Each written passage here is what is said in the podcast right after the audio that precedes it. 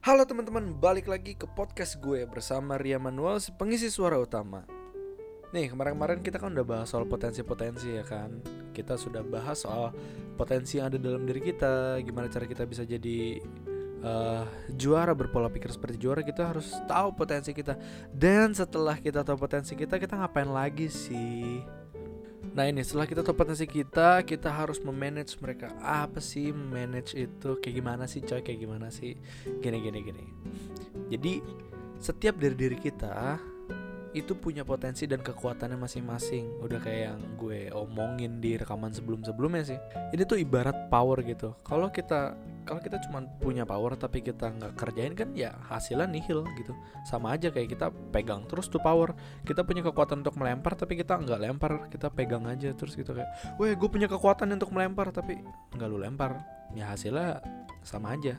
Lu berpegang doang sama apa yang lu punya tapi nggak lu kerjain. Kadang-kadang tuh orang suka berspekulasi di awal. Kayak misalnya dia sering berpikir seperti ini ah gue tahu nih ujung-ujungnya nih gimana kalau gue kerjain ini. Ah gue tahu nih paling ujung-ujungnya tuh cuma sampai sini doang dan lain-lain lain-lain lainnya. Padahal ya kalau kita kerjain potensi dan power itu secara sungguh-sungguh dan secara penuh juga ya selain kita dapat hasil dan buah kita bakal dapat lebih. Apa itu lebihnya? Gini kita bisa mendapat sebuah perkembangan atau pertumbuhan guys kita bisa gain our power gitu. Kita bisa meningkatkan power yang udah kita punya dari level sebelumnya. Kita bisa naik level gitu. Kalau kita mau mempekerjakan power itu dengan baik dan sungguh-sungguh dan secara penuh misalnya gini gue tuh bisa main musik misalnya dan gue mau mengerjakan itu secara penuh gitu.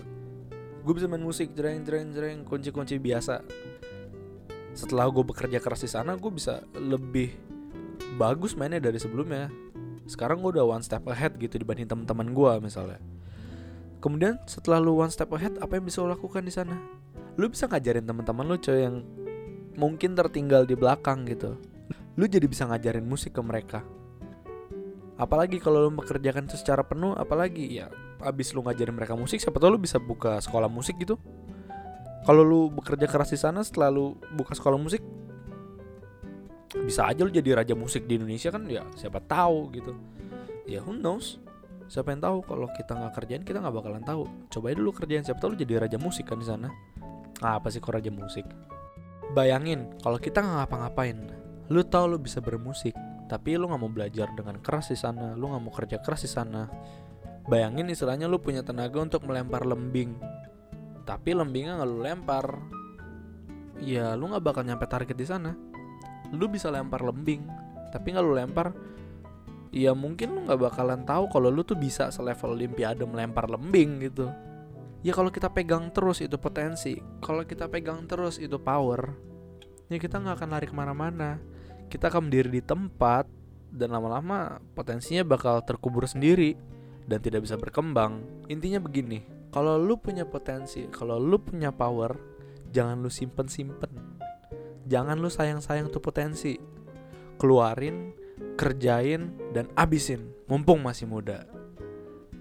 Rian pamit, salam podcast gue.